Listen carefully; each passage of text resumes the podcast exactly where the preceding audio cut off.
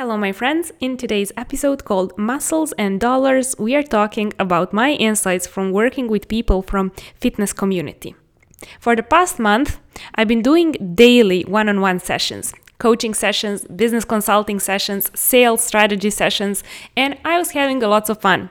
There were three types of people that were contacting me the most. First of first of them were the fitness fitness kind of people, which were like bodybuilders, people who own a gym, people who sell online courses, trainings, meal plans, etc.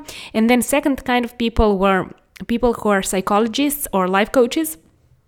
And the third type of people are people who are astrologers.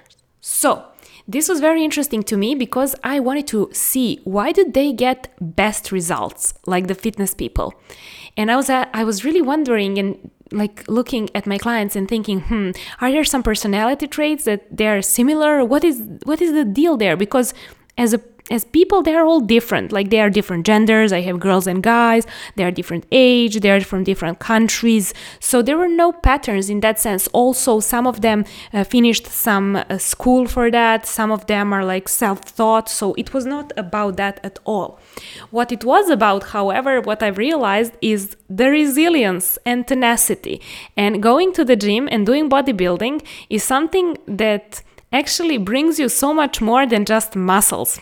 It also brings you the brain energy, the focus, the strength, because you will not feel like doing it every day. And also, you will sometimes it will be hard mentally, sometimes it will be physically hard and painful, and you will go through that. And you will not be so tied to the result. You will get to enjoy the process if you are any good at it, if you really enjoy it, if you're really in it because you are passionate about bodybuilding. You don't go there every day, like counting your muscles and like, did you lose some? Did you gain some? You're not obsessing over the goal.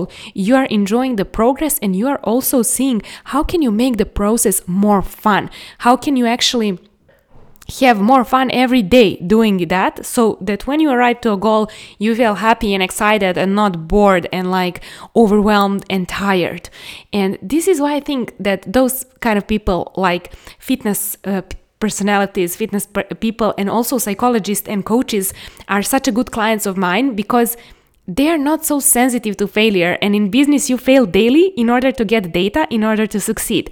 And those kind of people are used to doing the things that they don't feel comfortable with and they know that that is the road to, su- to success, the lo- road less traveled, as the poem says. So they do not try to avoid failure, they embrace failure, they go through failure and fear because they know that they will grow as a person. And on the other side, there is no just more money and success in business, but more personal growth and development, and they get to feel like a badass people that they are because they chose the road less traveled by, and that did make all the difference, as the poem says. So, this is something we can learn from people who are bodybuilders, who are into psychology or life coaching or anything like that.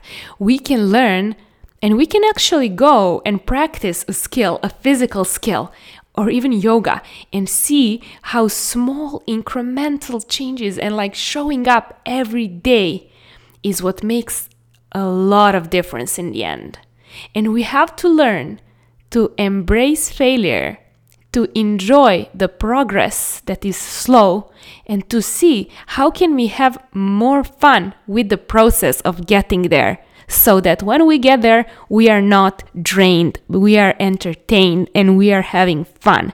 And that is that is what i wanted to say today. Done